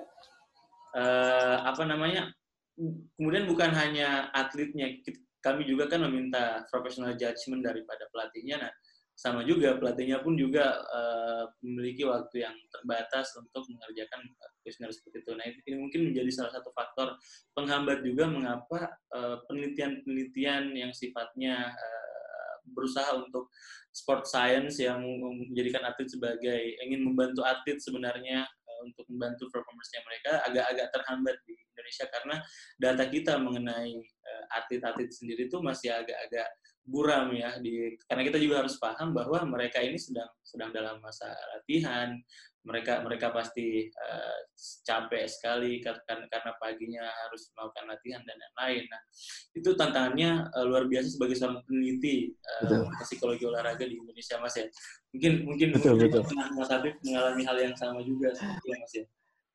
Iya uh, terutama untuk uh, apa namanya untuk pengukuran-pengukuran yang berbasis pada uh, kuesioner yang kompleks panjang gitu ya. itu uh, apa namanya ya bukan berarti tidak bisa sih tapi iya. mungkin butuh proses yang uh, terkait dengan waktu yang lebih panjang terus bagaimana kita uh, menentukan kondisi yang optimal dan ideal bagi atlet untuk mengisinya itu kapan karena kan tugas utama mereka berlatih dan iya. di luar latihan mereka istirahat ya kan recovery. recovery juga bagian dari latihan. Jadi kapan psikolog masuk buat buat iya, iya.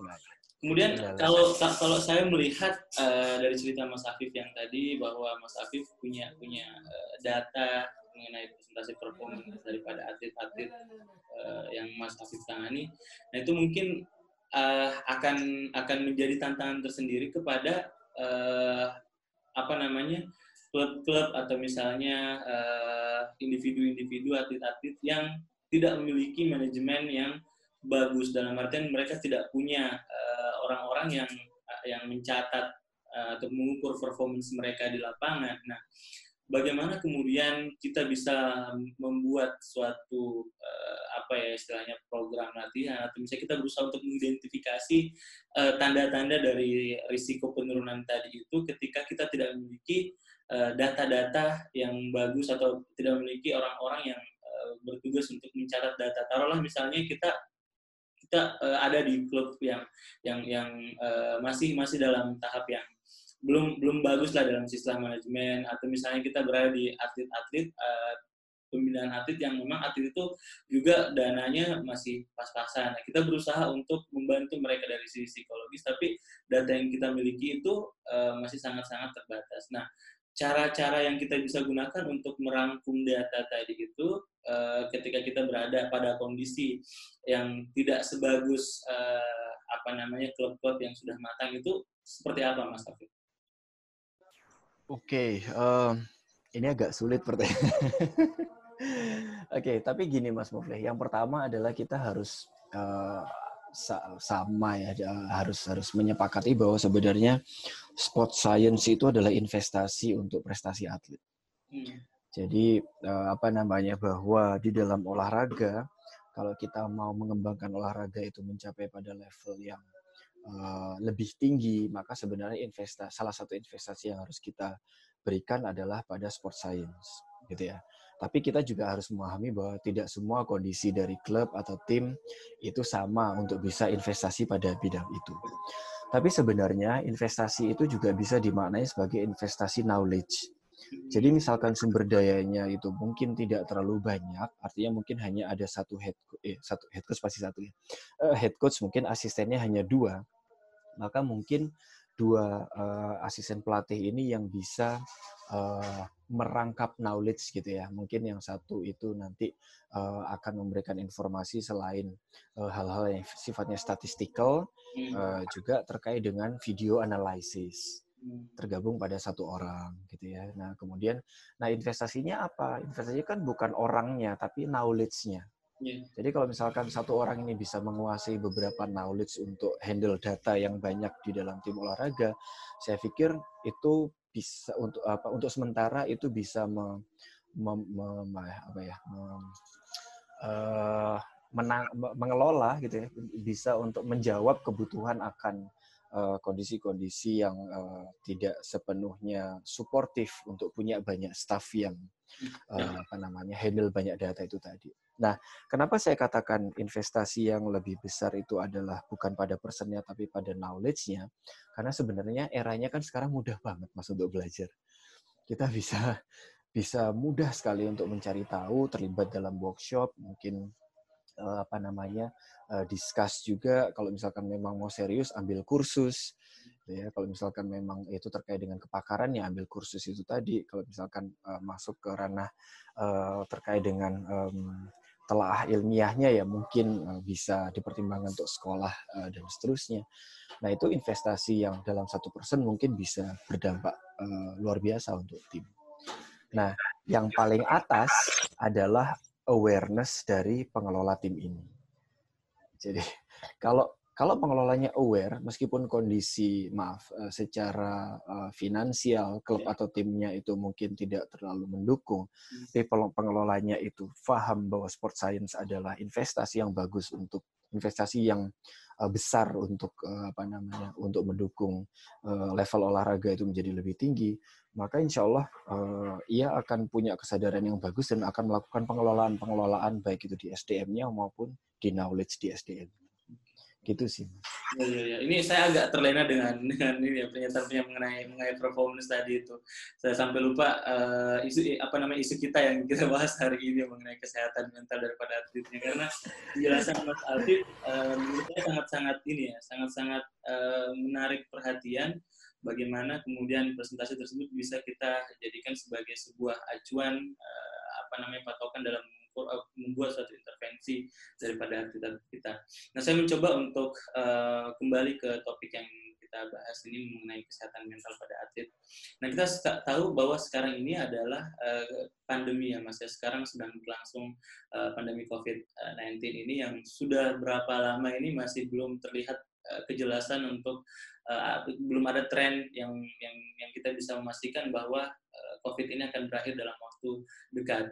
Nah, kemudian uh, tentu saja uh, COVID ini juga sudah memberikan dampak yang luar biasa bukan hanya kepada industri-industri yang sifatnya uh, usaha, tapi juga sudah berdampak kepada um, apa mundurnya penyelenggaraan event-event olahraga yang yang notabene merupakan sebuah uh, tempat atau wahana di mana atlet itu bisa menunjukkan eksistensinya, bisa menunjukkan uh, apa namanya, mem memperlihatkan kepada dunia bahwa inilah yang yang, mereka sedang uh, kerjakan, gitu loh. Nah, sejauh mana menurut Mas Afif COVID-19 ini mempengaruhi uh, atlet kita dari sisi kesehatan mentalnya, Mas? Oke, okay, um, COVID 19 ini sebenarnya uh, isu yang uh, uh, apa namanya uh, perlu untuk kita uh, telah lebih jauh karena dampaknya kepada atlet itu uh, bisa beragam, Mas. Hmm. Ada yang terdampak di ekonomi, ada yang terdampak pada uh, apa ya uh, uh, rasa kepercayaan diri untuk back to sport gitu ya, untuk latihan lagi dan seterusnya karena merasa uh, teman-teman mereka tuh punya uh, perilaku yang nggak safe dan membuat saya tertular gitu ya. Uh, bahkan hal yang lain adalah uh, terkait dengan uh, kelanjutan karir di masa mendatang. Nah dari kesemuanya itu uh, apa namanya it, uh, semuanya akan menghasilkan arah yang sama sih sebenarnya bahwa ada kondisi-kondisi yang uh, dapat mempengaruhi uh, uh, apa namanya dapat mempengaruhi uh, fokus pada atlet pada saat berlatih hmm. fokus pada makna akan uh, atlet yang seharusnya itu punya uh, keterampilan maupun kebiasaan yang sangat profesional untuk menjaga levelnya dan mempengaruhi bagaimana fokus mereka terkait dengan membangun karirnya ke depan. Hmm. Di Indonesia situasinya menjadi semakin parah karena menurut saya uh, kejelasan akan protokol dan seterusnya terkait dengan bidang olahraga memang sudah ada ya, memang sudah hmm. ada. Um, Persatuan Dokter Spesialis Olahraga juga sudah buat, Kemenpora uh, akan membuat, kemudian beberapa cabang olahraga IBL di bola basket itu sudah menyusun karena liganya akan segera jalan juga. Hmm. Nah, tetapi sebenarnya uh, kita juga harus tahu secara nyata apa sih yang dirasakan oleh atlet saat ini. Gitu ya. Jangan-jangan bukan hanya sekedar ada dan tidak adanya protokol kesehatan. Gitu ya. Nah, eh, saya menilai saat ini belum banyak pihak-pihak yang sampai uh, apa ya berusaha untuk mengungkap sebenarnya bagaimana kondisi kesehatan mental atlet. Yeah. Meskipun di uh, apa namanya di beberapa postingan teman-teman uh, yang atlet dan seterusnya itu ada kegusaran-kegusaran, kecemasan-kecemasan, kekhawatiran itu mudah mulai terlihat gitu kan. Hmm. Tapi kan kita nggak boleh gegabah masih ya, langsung menyimpulkan bahwa oh berarti ini mereka terdampak uh, parah gitu ya. Hmm. Bahwa COVID mempengaruhi uh, kesehatan mental mereka pasti mas. Uh, jangankan atlet semuanya juga juga juga terganggu. Tapi faktor apa yang paling uh, uh, mengganggu mereka dan berpotensi untuk membuat mereka tidak sejahtera secara psikologis itu yang kita perlu tahu. Saya saya ada hasil wawancara sebenarnya, jadi saya ceritakan aja ya. Yeah. Ada satu atlet A, dia hanya bilang, saya hanya ingin liga ini berjalan kembali, ya. Saya hanya ingin uh, bermain sepak bola kembali. Hmm. Udah sebatas itu, gitu ya. Uh, saya hanya ingin main lagi. Uh, apakah ini terkait dengan gaji? Tidak, ini terkait dengan makna hidup saya sebagai seorang atlet. Itu kan luar biasa, Mas. Jadi saya ini atlet profesional kalau nggak ada aktivitas uh, uh, latihan yang yang sesuai dengan program, kemudian nggak ada pertandingan ya, kok saya mempertanyakan ke diri saya, saya ini apa ya? Mereka ada kecemasan ke dalam. Lalu ada juga yang uh, secara finansial uh, memang secara terbuka mengatakan kalau kayak gini ya lebih baik saya jualan aja ada yang seperti itu. Tapi itu nggak sepak bola, itu bukan sepak bola.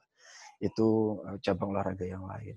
Nah, eh, hal-hal seperti data-data seperti ini kan sebenarnya harus kita eh, kenali ya, Mas Muflih ya.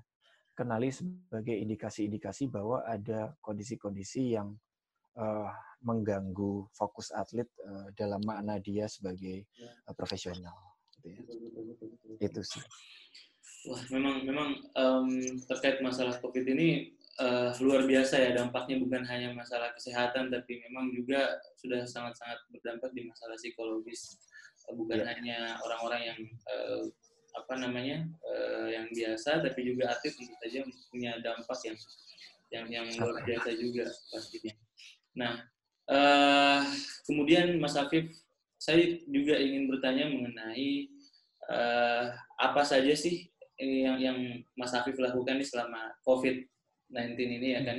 Uh, yang yang saya tahu mungkin saya Mas Afif saat ini sedang punya mungkin afiliasi dengan beberapa uh, tim atau uh, atlet-atlet yang yang secara profesional memang meminta jasa Mas Afif sebagai seorang psikolog olahraga. Nah, uh, apa ya uh, hasil observasi Mas Afif saat sampai saat ini tuh bagaimana kemudian uh, mereka atlet-atlet ini bagaimana uh, dampak COVID kepada mereka dan bagaimana apa yang Mas Afif berikan atau uh, apa yang Mas Afif uh, sarankan kepada mereka atau bagaimana cara Mas Afif memberikan intervensi apa yang mungkin Mas Afif berikan untuk bisa membuat atlet ini uh, stay in apa ya, maksimum uh, mental mentalitinya itu gimana tuh Mas? Mas Afif? Hmm berada pada kondisi mental state yang uh, tepat untuk menghadapi situasi COVID ini ya Mas Mufli. Iya, betul. Nah, uh, kita harus uh, kita harus lihat cabang olahraganya dulu Mas. Kalau misalkan di sepak bola itu kan FIFA dan FIFPro itu kan berhasil mengidentifikasi bahwa yang sangat mengganggu atlet sepak bola dunia atau di luar negeri itu terkait dengan isu psychological confidence ketika, ketika mereka berlatih dan bertanding kembali di lapangan. Jadi mereka concern dengan itu dengan cara mengutamakan protokol kesehatan, memastikan hmm. tahapan tahapan-tahapan uh, aktivitas yang dikelola oleh tim medis dan seterusnya itu memang support uh, untuk itu semua. Uh, kemudian juga memberikan layanan uh, apa namanya psikologis bagi atlet-atlet uh, yang memang uh, butuh dibantu uh, oleh psikolog profesional. Nah, kalau di Indonesia kita harus lihat caburnya. Uh, tapi secara umum, gini, secara umum uh, sebenarnya kita bagi dua, Mas Mufli. Yeah. Yang pertama adalah first aid-nya dulu. Jadi kan uh, ada istilah psychological first aid untuk kondisi-kondisi pandemi. Nah, COVID juga salah satu kondisi bencana kan sebenarnya, gitu kan. Meskipun uh, justru semakin sulit karena tidak terlihat, gitu. virusnya kan nggak kelihatan. Gitu. Eh, sehingga banyak orang itu sebenarnya yang menjadi punya persoalan psikologis karena berkutat dengan pikiran-pikiran negatifnya sendiri. Eh, kemudian berkutat juga dengan kecemasan dan kekhawatiran karena ketidaktahuan akses informasi yang tepat dan seterusnya. Nah, di level yang pertama yang bisa kita lakukan untuk membantu mereka adalah untuk uh, kalau misalkan butuh informasi yang memang akurat dan tepat, kita sebagai psikolog itu memang harus punya tuh referensi Uh, misalkan dia, saya butuh nih uh, untuk penanganan COVID, untuk gejala yang seperti ini, ini, ini, apa yang harus pertama kali saya lakukan? Kita seorang psikolog, tapi kita harus punya informasi itu. Kenapa? Karena kalau kita berhasil menginformasikan itu, memberikan linknya, kemudian menginformasikan di mana kita bisa menghubungi uh, dan mungkin di rumah sakit mana kita bisa uh, apa namanya uh, uh, mendapatkan pelayanan itu maka itu akan menghasilkan ketenangan kan bagi hmm. person yang uh, kita tangani. Uh, bukan kita, maksudnya bukan kita yang menangani langsung iya. secara medis, tapi kita memberikan referensi itu adalah uh, termasuk dalam termasuk dalam supporting untuk kondisi-kondisi COVID ini. Plus juga um, yang sederhana adalah sebagai psikolog uh, kita jangan memposting sesuatu atau menampilkan sesuatu di media sosial yang justru menambah kepanikan dan iya. kecemasan. Ya, sifatnya menakuti, gitu. mas ya uh, termasuk perilaku kita sehari-hari kayak misalkan oke okay, pas kita olahraga kita harus seperti apa. Saya pernah tuh posting saya lagi sepedaan gitu kan. Hmm. saya memang tidak pakai masker ya. Uh, apa saya memang tidak pakai masker tapi saya sepedaannya di jam yang tidak ada orang lain hmm. dan saya betul-betul uh, apa namanya memastikan diri saya itu tidak bergerombol nah, seperti itu. Karena kita itu pasti akan dilihat oleh orang lain kan Lalu yang ketiga, selain dua hal itu dari kitanya sendiri menampilkan perilaku yang seperti apa, kemudian supporting uh, untuk psychological first aid, uh, kita harus siap untuk kondisi-kondisi kalau istilah medis kan kegawat daruratan. Hmm. Jadi misalkan ada kondisi atlet kita yang betul-betul secara psikologis terdampak uh, COVID sehingga mereka tuh mengalami panik berlebih, kecemasan berlebih, kemudian uh, mengalami kondisi-kondisi uh, state of emotional yang misalkan itu naik turun secara tajam dan butuh dibantu secara profesional, maka kita harus membuka diri kita untuk memberikan pelayanan kepada mereka semua. Kalau misalkan memang kita tidak bisa, kita diharapkan mampu untuk merefer atau merujuk kepada siapa mereka bisa mendapatkan penanganan. Okay, Kurang lebih seperti itu sih, Mas. Um, mungkin ini pertanyaan yang uh, terakhir ya, Mas Habib ya. Uh, saya coba bawa lagi kita ke masalah kesehatan mental terkait dengan uh, injury. Nah, oke. Okay.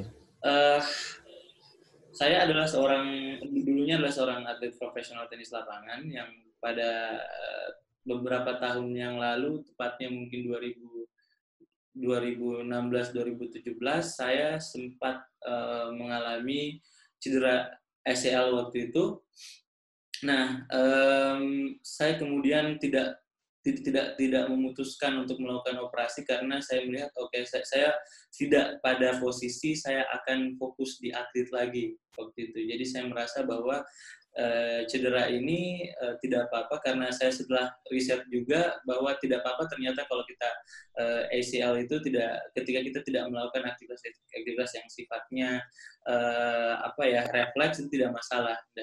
Jadi uh, tetap uh, keseharian kita itu mungkin saya terganggu sedikit tapi masih bisa kita menjalani hidup uh, ini secara normal seperti biasa.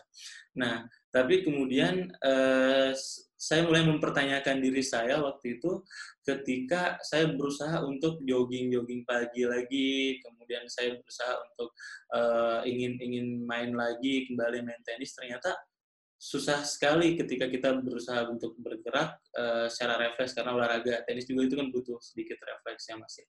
Nah kemudian akhirnya saya mencoba untuk um, apa namanya operasi.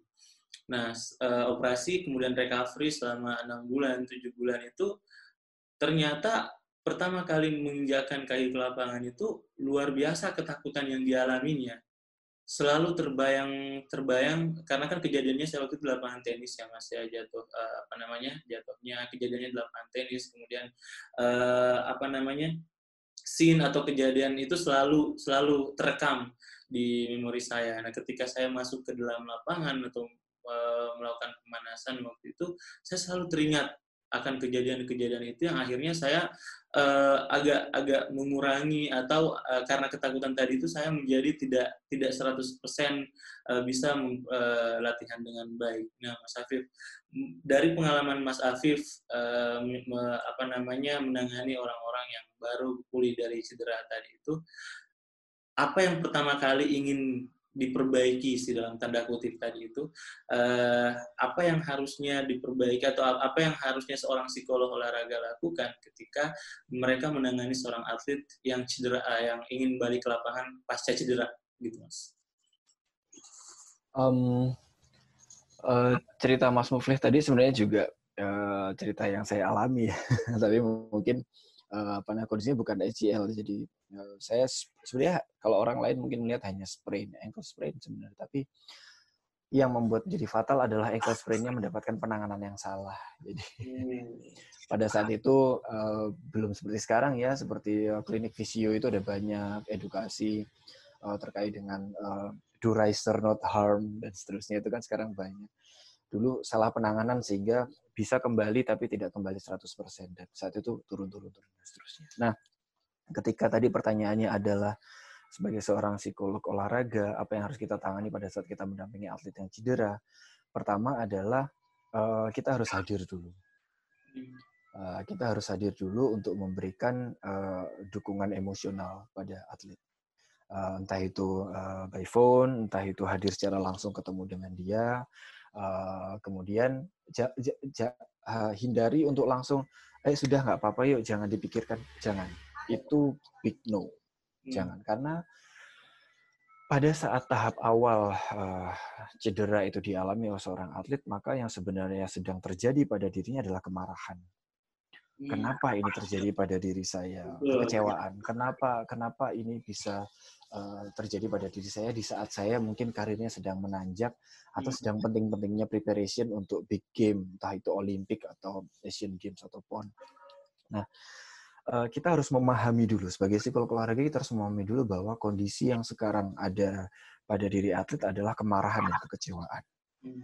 Jadi hindari menggunakan kata-kata yang optimis pada saat state uh, state emosinya masih ada di level itu.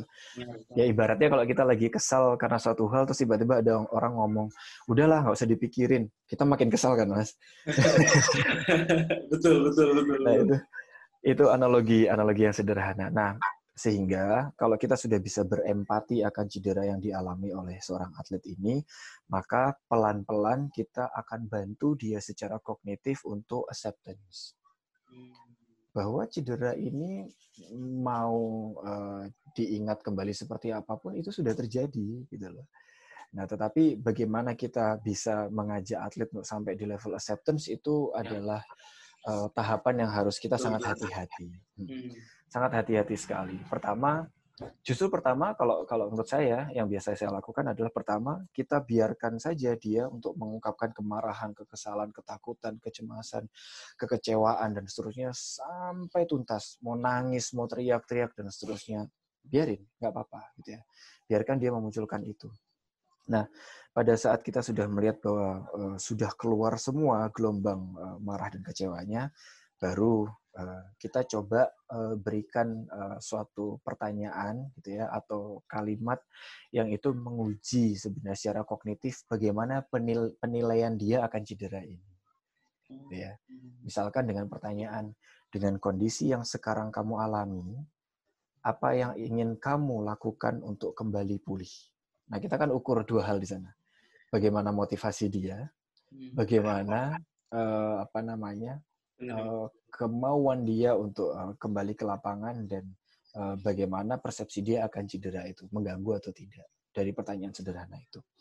Kalau ternyata dia bilang, saya mau kembali ke olahraga, saya mau kembali lagi, saya mau uh, kembali ke lapangan lagi, saya harus berprestasi, saya mau ini dan seterusnya.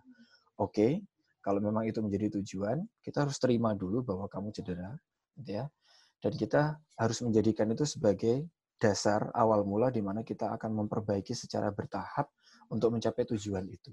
Hmm. Setelah accept, berarti kan accept tuh dia sudah accept, kemudian kita bantu dia untuk membuat um, uh, goals dia bersama dengan visio dan tim dokter.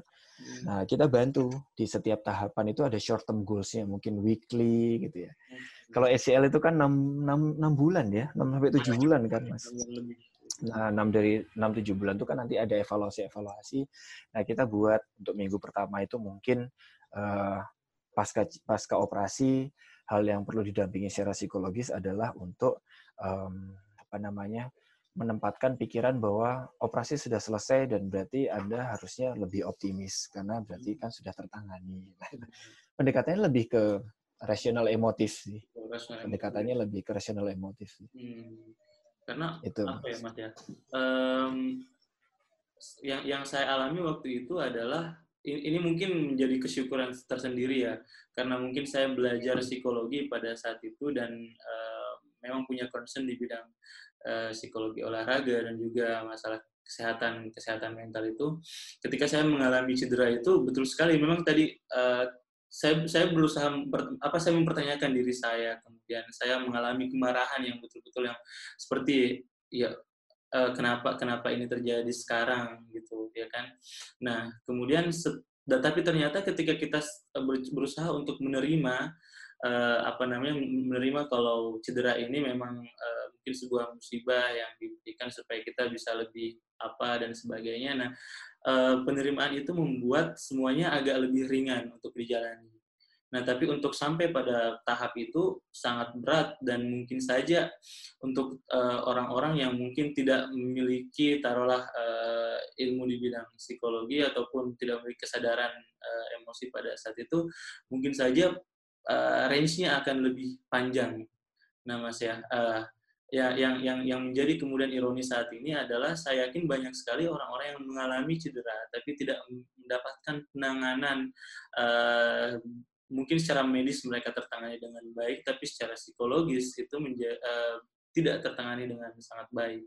Nah, itu itu, yang menjadi masalah saat ini yang menjadi uh, isu, isu juga saat ini. Nah, uh, menurut Mas Afif sendiri berapa lama sih uh, durasi waktu yang yang yang dibutuhkan seseorang untuk keluar daripada zona-zona uh, yang zona-zona uh, seperti itu? Dan uh, apa saja selain daripada uh, kita tadi mencoba untuk memberikan uh, biarkan mereka menerima dulu tidak tidak langsung hadir kemudian memberikan kata-kata yang optimis tadi. Uh, kemudian apalagi sebenarnya yang seharusnya dilakukan kalau kita misalnya berada sebagai seorang teman yang masih ya yang yang yang uh, apa namanya mungkin mungkin pendengar kita ini punya seorang teman yang mengalami atau berada di posisi saat ini.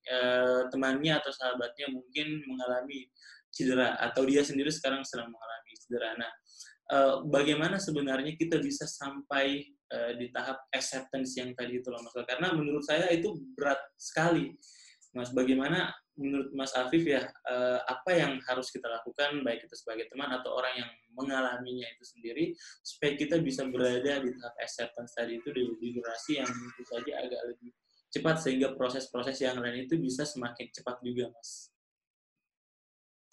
Terlebih itu karena teman ya Mas Muflih ya. Kalau teman yang ngomong itu kan kadang-kadang eh, kita yang cedera itu kamu nggak ngerasain yang tak rasain. Ya, betul.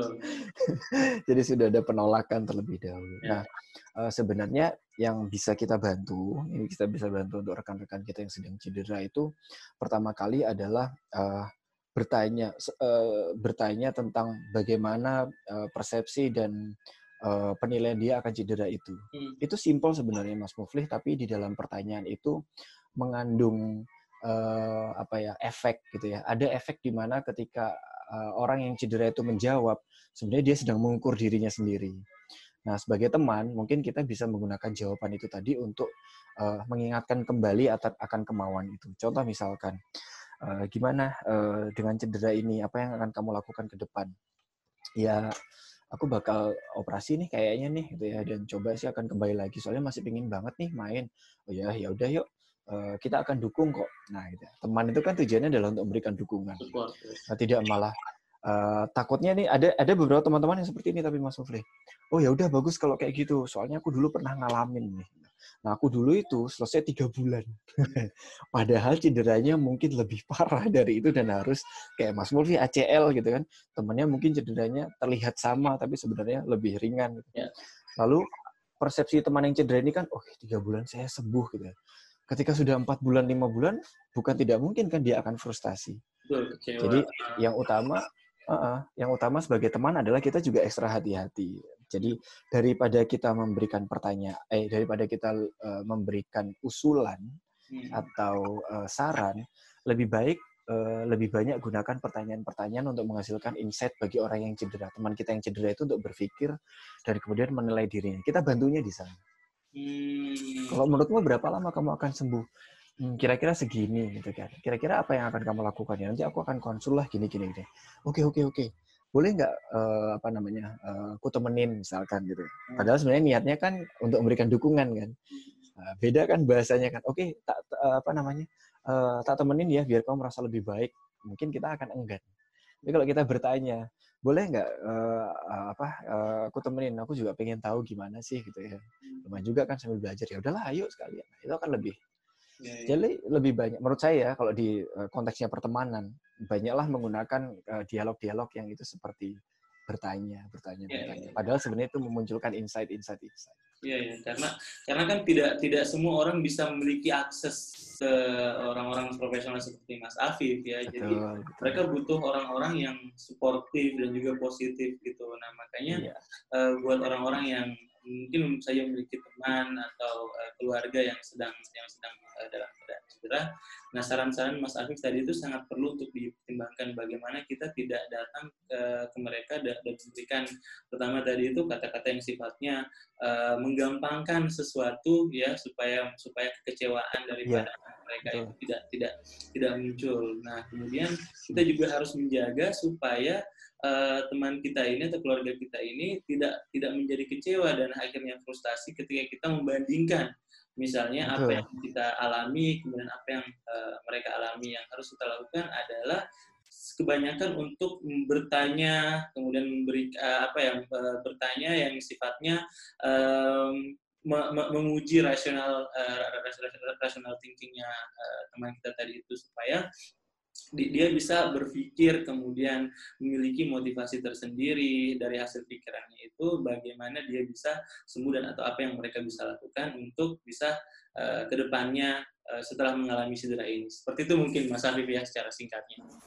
Betul. Dan ada lagi Mas Mufli, uh, kita sebagai teman juga harus uh, provide informasi yang baik. Ini sama kayak penanganan yang COVID tadi, gitu. hmm. bahwa kita sebagai teman diharapkan juga mampu punya informasi-informasi yang akurat ketika misalkan teman kita yang cedera itu butuh klinik visio mungkin gitu ya. Uh, aku butuh uh, aku cederaku seperti ini nih ke mana ya lebih baik. Oh oke okay, kalau kamu mau aku punya nih informasi tentang itu. Nanti kalau bisa akses ke sini ke sini itu itu simpel tapi luar biasa ini ya. Nilainya ke itu, orang tersebut itu luar biasa. Membuat teman itu jadi kayak, wih luar biasa nih temanku nih, gitu ya, bantu banget nih gitu. itu lebih baik. Artinya dia tuh paham bahwa uh, apa uh, teman kita yang cedera itu paham bahwa uh, dirinya butuh dibantu dan merasa senang karena temannya itu membantunya dengan tepat. Gitu ya. Jadi tidak memaksakan. Kamu sini aja lu. Nah itu kan maksain. Banyak juga teman yang seperti itu. yang sampai yeah. akhirnya mungkin kan akhirnya salah penanganan karena karena ya kita diarahkannya kepada orang yang uh, mungkin saya tidak memiliki pengetahuan uh, secara keilmuan yang mungkin dari pengalaman saja dan ya seperti itu. Oke, okay. uh, yeah. uh, itu saja mungkin ya Mas Afif luar biasa sekali kita udah satu setengah jam kita ngobrol uh, luar biasa mudah-mudahan uh, banyak banyak uh, nilai yang bisa kita ambil daripada obrolan kita saat ini. Amin. Nah, terakhir sebelum kita tutup, saya ingin uh, Mas Afif mungkin memberikan uh, apa ya closing statement ataupun uh, apa saran yang kepada teman-teman kita nih orang-orang yang di luar sana yang mungkin saya sekarang berada dalam posisi bingung karena um, mereka mungkin mau untuk melanjutkan melanjutkan eh, karir di bidang psikologi olahraga tapi mereka bingung akan apa jadi apa nantinya apakah kita bisa hidup ya. di psikologi olahraga. Nah mungkin bisa diberikan uh, insight tersendiri buat teman-teman kita yang seperti itu mas baik uh, terima kasih mas Muflih jadi sebenarnya uh, saya mungkin uh, belum berhak untuk uh, apa ya dianggap layak untuk memberikan uh, apa namanya statement kepada rekan-rekan semua, tapi saya hanya akan sharing uh, bagaimana menariknya dunia psikologi olahraga, bagaimana uh, luasnya uh, apa namanya aspek-aspek uh, psikologi yang bisa kita uh, pelajari dan kita bisa terapkan, uh, dan juga uh, betapa besarnya kebutuhan akan keilmuan psikologi di dunia psikologi olahraga, di dunia olahraga. Sorry.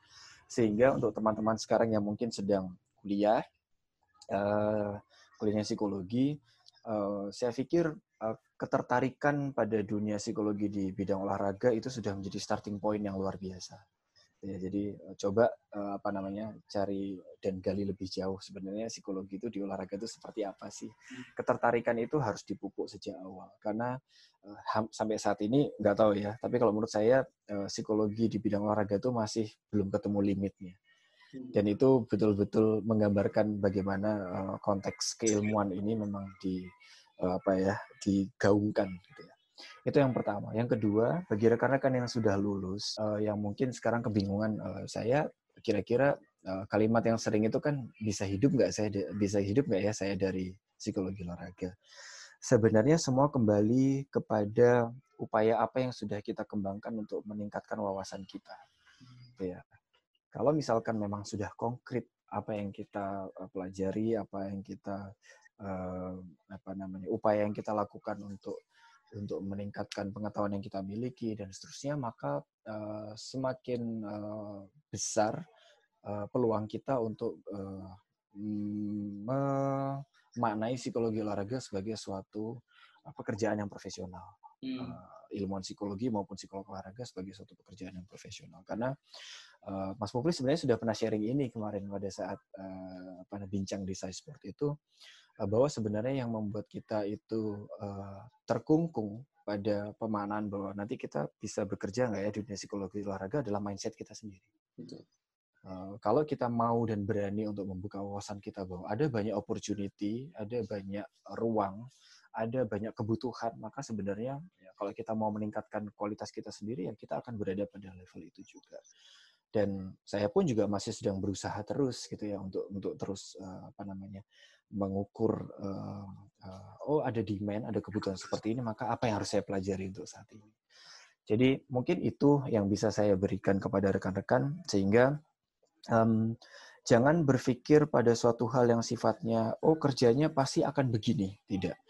Karena kompleksitas dunia psikologi olahraga, maka sebenarnya ada banyak hal yang bisa kita kerjakan dan itu nanti tergantung penajaman potensi dan kompetensi apa yang akan rekan-rekan bawa bersamaan dengan mempelajari psikologi olahraga itu sendiri. Dan good luck. Iya. Oke deh. Kalau begitu terima kasih banyak Mas Afif atas waktunya. Uh, luar biasa sekali. Saya ingin sekali lagi terima kasih banyak nih karena banyak sekali ilmu-ilmu yang akhirnya saya bisa uh, merefresh kembali, mendapatkan ilmu-ilmu baru yang uh, Mas Afif berikan kepada saya dan juga teman-teman pendengar podcast mindset ini. Uh, saya juga ingin uh, uh, apa namanya uh, mengatakan kepada seluruh teman-teman yang mendengarkan bahwa uh, apa yang saya dan Mas Afif bicarakan ini murni adalah pengalaman dari pengetahuan dan pengalaman kami. Jadi ketika misalnya ada hal-hal yang sifatnya berbeda itu sangat-sangat bisa untuk kita diskusikan uh, bareng-bareng ya.